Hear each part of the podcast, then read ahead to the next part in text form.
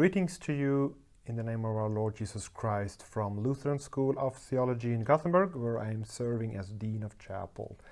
My name is Jacob Appel, and I have been asked to contribute to this wonderful series of lectures that Lutheran study days are giving. And I'm happy to contribute uh, and also very happy for the work of Lutheran study days. Freedom towards other people. With the topic that I've been given, I would like to begin by saying that for someone to be free towards other people, he or she must be freed something from something and freed to something. To be free towards other people, I must first be set free from the fear of them. And when I am, I'm free to serve them. The word fear is here to be understood in a broader biblical sense, not just being afraid of. The key theme in this short lecture will be to point to the freedom from such fear, which is also the driving force to live a life of service to other people. First, freedom from fear of men. According to the Lutheran understanding of original sin, we are born without the fear of God, without trust in God, and with an evil desire. This is Augsburg Confession, Article 2. That is, we do not naturally fear God, but we fear nonetheless. To fear is intrinsic to our human nature. It's just that the fear of God has been replaced by other fears and have become our primal fears. Fear of men is one of them. Fear of men has two sides. We strive to avoid the negative judgment and treatment of men, and we strive to win their affirmation, their positive treatment. Avoid disgrace, win favor. To a certain degree, this is natural and even necessary for us to live together as human beings. But when the fear of God, when the fear of men becomes the primal fear and not the fear of God, we will ultimately be driven by the opinions and treatments of other people. According to John's Gospel, many of the authorities believed in Jesus, but for fear of the Pharisees, they did not confess it, so that they would not be put out of the synagogue and I quote, For they love the glory that comes from man more than the glory that comes from God. John 12, 42 to 43. These are the two sides of the coin again. They feared the Pharisees and the direction of men, and they loved glory that comes from men to be inside the community, that is, of the synagogue, not outside. But note the little word more than. That is, they love the favor of men more than the favor of God. They feared men more than they feared God. Again, this is the damage and the curse of the fall, original sin, to fear men more than God. And it is deeply tragic. To love the glory of men is to live for the lesser glory. What could possibly be more glorious than the approval and appreciation of the eternal God? And the glory that comes from sinful men is inevitably subject to change and ultimately decay. Closely related to live for, uh, closely related to live for the glory of man is to live for the justification of man, to be declared righteous in the sight of men. Jesus said to the Pharisees, You are those who justify yourselves before men, but God knows your hearts. For what is exalted among men is an abomination in the sight of God. Luke 16:15. The Pharisees knew that if they were considered right and blameless by men, they would also be exalted among them. Or so they thought justification became the path to glory. But again, they searched for the lesser glory, and were consequently content with the lesser righteousness, the justification of men. When Jesus demanded a righteousness exceeding that of the scribes and the Pharisees, the strictest and most serious of all people involved with religion, he simply demanded righteousness before God, not just men. This goes back to the question whom we fear. Jesus said that we should not fear those who would not only kill the body, not being able to kill the soul. That is, we should not fear men. But the only way to escape such tremendous fear, if you think of what man can do to us, is to consider the greater fear. Jesus said, Rather fear him who can destroy both soul and body in hell. Matthew 10 28. It may be strange to some to think of God in this frightening way, which has led some interpreters to think that Jesus here refers to the devil. But the point is that we should be more afraid of what God can do to us than what men can do to us freedom from the smaller fear, that is, that of man, lies in the greater fear, that is, that of God. To fear God more than men. It is worth noting that Jesus, immediately after referring to God as frightening, speaks of his love and care in the most tender way. He likened us to sparrows, tiny and insignificant as they are and yet cared for and known by the Heavenly Father, how much more with us? The Father numbers even the hairs of our heads. And so, quite paradoxically, Jesus ends up saying that we must not fear, since we are of more value than many sparrows. Fear not, you who are to fear God, who can destroy both body and soul, because when you flee to Him who is frightful, you find the greatest refuge. How this paradox can be has to do with salvation, which, according to the Song of Zechariah, is to be able to serve God without fear. Zechariah himself met a frightening God in the temple who struck him mute for not believing the word of the angel. Only to contemplate on God's word for nine months and at the birth of his son John sing God's praises in a most stunning way. Zechariah sang about deliverance from enemies, service to God without fear, and forgiveness of sins because of the tender mercy of our God. Luke 1 78. Zechariah feared God without fear.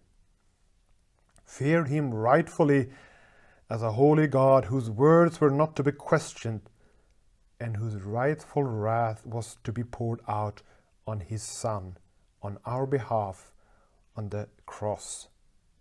But without fear, since his sin of unbelief was not to be reckoned against him. Holy and righteous before God, he said.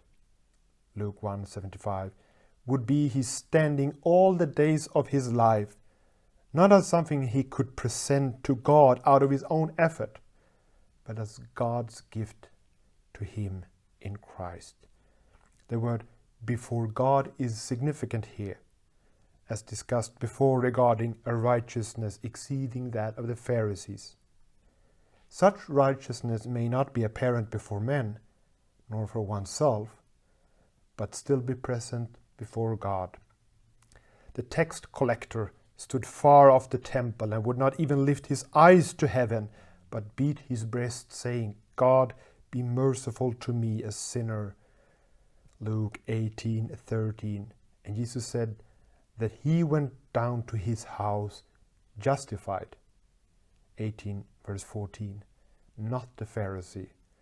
But he, the Pharisee, he was content with righteousness by comparison, not to God, but to men.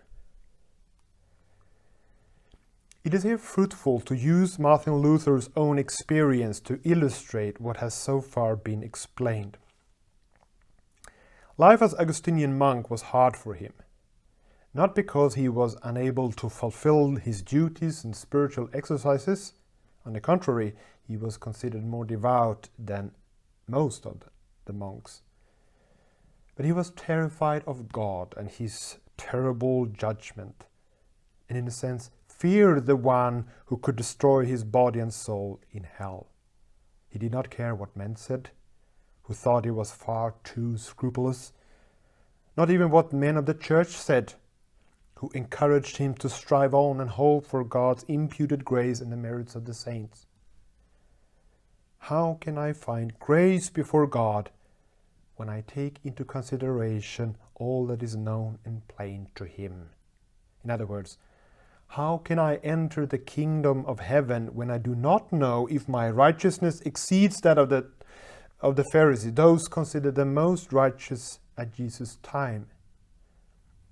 Luther's struggles continued until the gospel was revealed to him through a word of God, where his frightening God declared him righteous before God by grace alone, through faith alone for the sake of Christ's atoning work alone. Luther afterwards described his experience as if the gates of paradise were opened. When Luther could cling to God's promise, he did no longer have to fear God's condemnation. When he found assurance of not only God's forgiveness, but also God's delight in him, he was in fact set free to love him, to trust him, to find, to find peace in him. The saying is that you cannot love someone you fear, and yet you fear the one you love. In his small catechism, Luther repeatedly stated that we must fear and love God. For Luther, it was impossible to love God until he had found favor with God and solid ground for such favor, namely in the sure promises of God's forgiveness. This must be remembered when we consider Luther's fearlessness in face of not only the mightiest of the church, but of the world, namely Emperor Charles V at the Diet of Worms in 1521. The emperor demanded of Luther to recant from his writings including his On the Freedom of a Christian, his little book, since Luther feared God more than men, he considered it unsafe and unsound, unsound to go against a conscience bound by the word of God, and so he would not recant. But his bravery came from the gospel, that he was declared righteous by faith in the greater judgment than the one he faced in Worms. He loved the glory that had already been given to him, that had come from God more than the, he loved the glory of remaining included in the synagogue of his time, to paraphrase John 12:43. He was free, as he had so beautifully written in the book on the freedom of a Christian. A perfectly free Lord of all, subject to none, that is, completely free towards other people. Psalm 118, verse 6 states, The Lord is on my side, I will not fear. What can man do to me? Luther courageously lived out his faith before the emperor you can hit me, but you cannot get me. You can kill me, but you cannot take my life. My life is hidden and safe in Christ, who, on account of his sacrificial death, has declared me holy and righteous before God all the days of my life and for eternity. This is to be of more value than many sparrows. This is also the beginning of true service of other people, to be a perfectly dutiful servant of all, subject to all, as Luther also wrote in his book on the freedom of a Christian. And this is my second point, free to serve men instead of fearing them, and the driving force behind that freedom. Luther's fearless confession before the emperor was not only a selfless service to the church, but to all of mankind, especially if the consequences of the alternative are considered. That is, recanting from the truth of the gospel out of fear of this world's mightiest. When you no longer serve in order to win God's favor, thereby ultimately serving yourself, and no longer serve others to make sure you yourself are acceptable to God, because that's already a given reality you're set free to serve others for their own sake, as one who has been served completely by God Himself. You're set free from the necessity to serve and save yourself because of the promises of God's full service and salvation for you. He who did not spare his own Son but gave him up for us all, how will he not also with him graciously give us all things, as Paul says in Romans 8:32. It is important, however, to remember that the fear of men will prevent us from serving them. We will be absorbed with ourselves if we focus on their opinions and reactions to our service to them. The fear of God is what is lost through original sin and we will suffer from its absence and its haunting substitute, fear of men, even as fully justified and pleasing before God. But when the Holy Spirit is at work, leading us to fear God more than anything, it has in fact two fruits. The release from fear of men has already been mentioned, but the other has to do with the experience of fearing God. Luther's fear of God made him all too aware of sinful thoughts and desires, perhaps hidden to men, but fully apparent to God.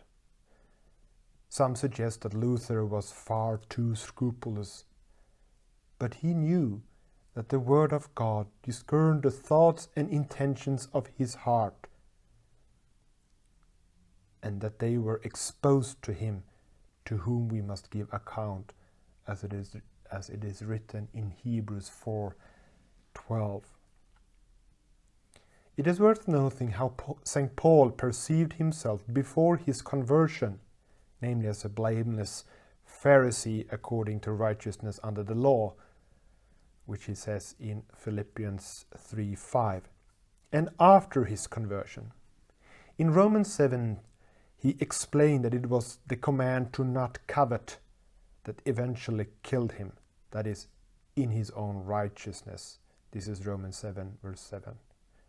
The law produced all kinds of covetousness, that is, he became all too aware of what was taking place in his heart, fully known to God, but not known to him nor others in his life as a zealous and blameless Pharisee.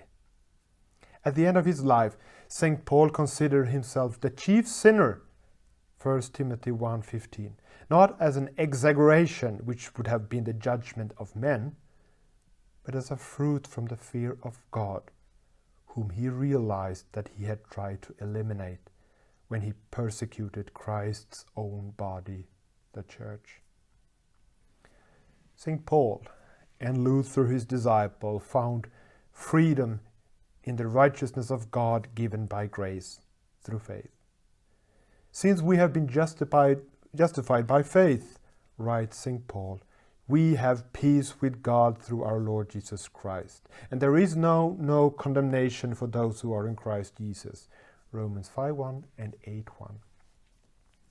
In line with Luther's concept of men being righteous and sinful at the same time, Simul Justus et Peccator, there is also freedom to fully accept the reality of sin, dirty as it may be, and is, in the thoughts and intentions of the heart.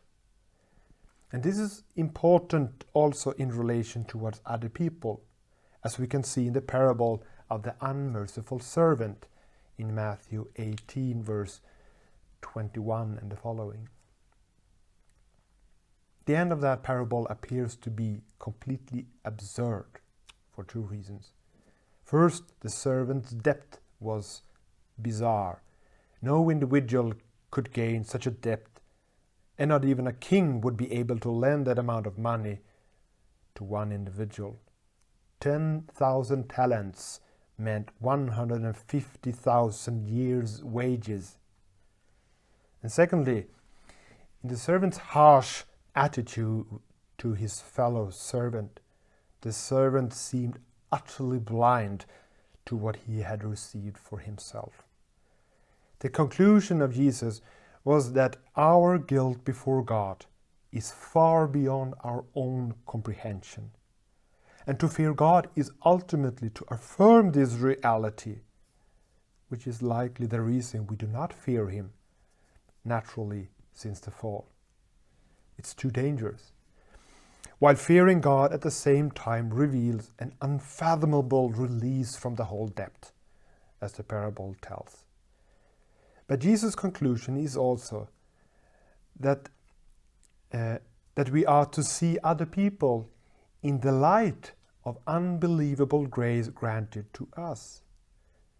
In the encounter with other people, there is an inner dynamic to our own encounter with God we may recognize that our neighbor's debt is 100 denarii, as it is stated in Matthew 18, verse 28.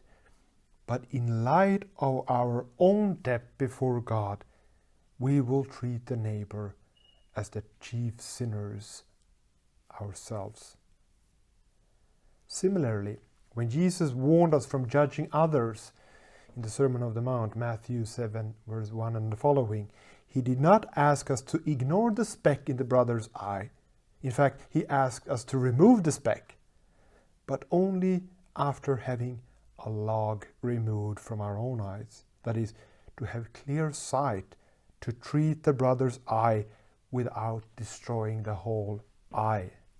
It is necessary to observe the log, a thousand and, a, and another thousand specks uh, in the own eye and how carefully God in Christ has removed the log without damaging the eye.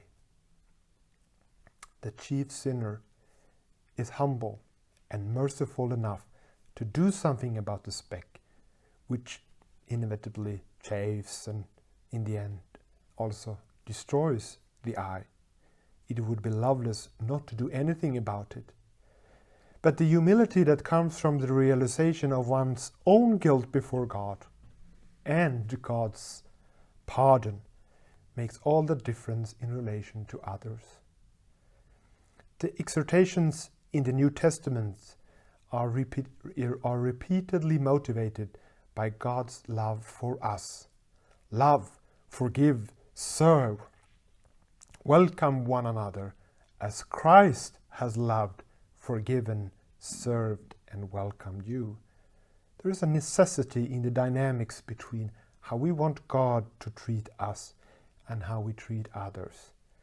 Where the call to repentance from all lovelessness towards other people always is to take another look at the depth 10,000 talents and the unbelieving grace granted in, Christ. He who is forgiven little loves little, said Jesus to Simon the Pharisee after telling another parable about debt, release from debt, and love.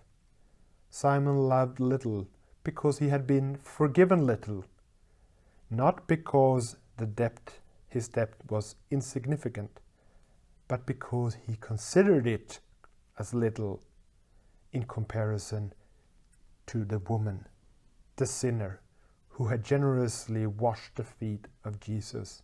She loved much because she knew she had been forgiven a lot. Luke 7 47. Freedom towards other people does not come from staring at one's own debt, but from living by Christ's grace alone. When St. John wrote about perfect love in 1 John chapter 4, it had nothing to do with us, but of God. He's, he writes in verse 10 This is love, not that we have loved God, but that He loved us and sent His Son to be the propitiation for our sins. But worth noting is that St. John continues to say that love is perfected in us and with us in two ways. The first way is no surprise, namely that we love one another as God has loved us. This is 4 verse 10. But the other one is more unexpected. By this is love perfected with us, he writes in 4:17, so that we may have confidence for the day of judgment, because as he is, so also are we in this world.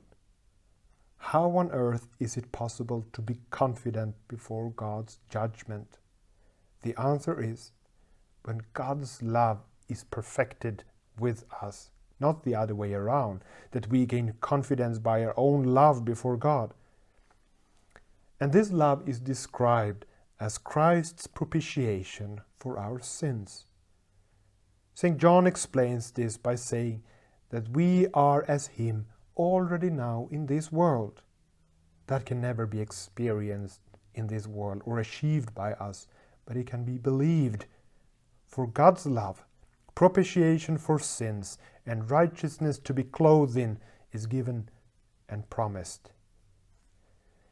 St. John writes that whoever fears has not been perfected in love. 4 verse 18. But this love has the power to cast out fear. Any fear related to God's judgment, any fear related to a fearful God Himself. And so St. John concludes by saying, We love because he first loved us, and we fear him without fear. Lastly, and thirdly, some practical implications. Abide in me, abide in my words, abide in my love, said Jesus, and you will bear much fruit, for apart from me you can do nothing.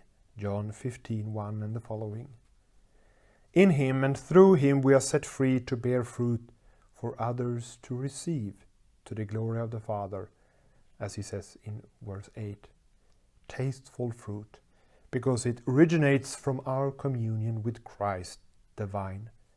Generosity will come from knowing the grace of Christ, that though he was rich, yet for our sake he became poor, so that we by his poverty might become rich, as Paul writes in 2 Corinthians chapter 8 verse 9. Contentment, freedom from envy, greed and boasting will have its source in the good shepherd, whom nothing with whom nothing is lacking. Love that is patient and kind comes from knowing that the riches, I quote, the riches of God's kindness forbearance, and patience lead us to repentance, as it is, as it is written in Romans 2, verse 4. Love that is not arrogant or rude, irritable or resentful, insisting on its own ways, comes from receiving God's sacrificial love for the chief of sinners. God can never rejoice in wrongdoing and falsehood, but with us and our wrongdoings and half truths. He is love that bears all things, believes all things, hopes all things, endures all things. To paraphrase St. Paul in 1 Corinthians 13, verse 4 and the following His love never ends, and He urges us to love like Him, as loved by Him who loves the other sinners just as well. This is never without cost and sacrifice. When we reach out to people like Zacchaeus and face the reaction that Jesus himself met, that the people of Jericho grumble at him. Luke 19, verse 7. We are motivated by his steadfast love for us, as if we were the Zacchaeus. Christ's love must not be confused with niceness, however, love without integrity. Christ's love for the people in Nazareth meant that he left them. His love for them was a gift, not a right, something deserved, as the people in Nazareth thought because they were his neighbors and countrymen. In the end, they could not stand him nor his words, his clearest expression of his love for them. We, write, we read this in Luke 4, verse 14 and the following. We are in Christ actually set free to not sit at the seat of scoffers, as it is written in Psalm 1, verse 1. Similarly, we are not to affirm what stands in the way for others to encounter the truth and the love of God as Jesus, in an indignant way, showed the disciples who tried to hinder the children from coming to him. Mark 10, verse 13 and the following. Or as he angrily showed those who sold and bought in the temple, whose commerce became a hindrance for encounter with and prayer to the God of Israel, in the house of prayer for all people. Matthew 21. Freedom towards other people is also with the thinking of St. Paul to be weak for the weak. 1 Corinthians 9:22 or Romans 14 verse 1 and the following, and hard against the hard. To the hard in Galatia he was fearless and ruthless, warning them that they would lose grace and were obliged to keep the whole law themselves if they insisted on circumcisions circumcision for Gentile believers. Uh, we read this in Galatians 5 3 and the following. Whereas he was willing to circumcise St. Timothy out of respect for the Jews in Lystra and Derbe.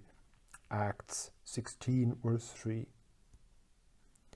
Freedom from the law, as St. Paul further explains in the letter to the Galatians, is not meant for abuse and for the free course of selfish desires, but for service and love in harmony with the service and love of the crucified Christ, who set us free from the law and its curse, as cursed in our place on the cross.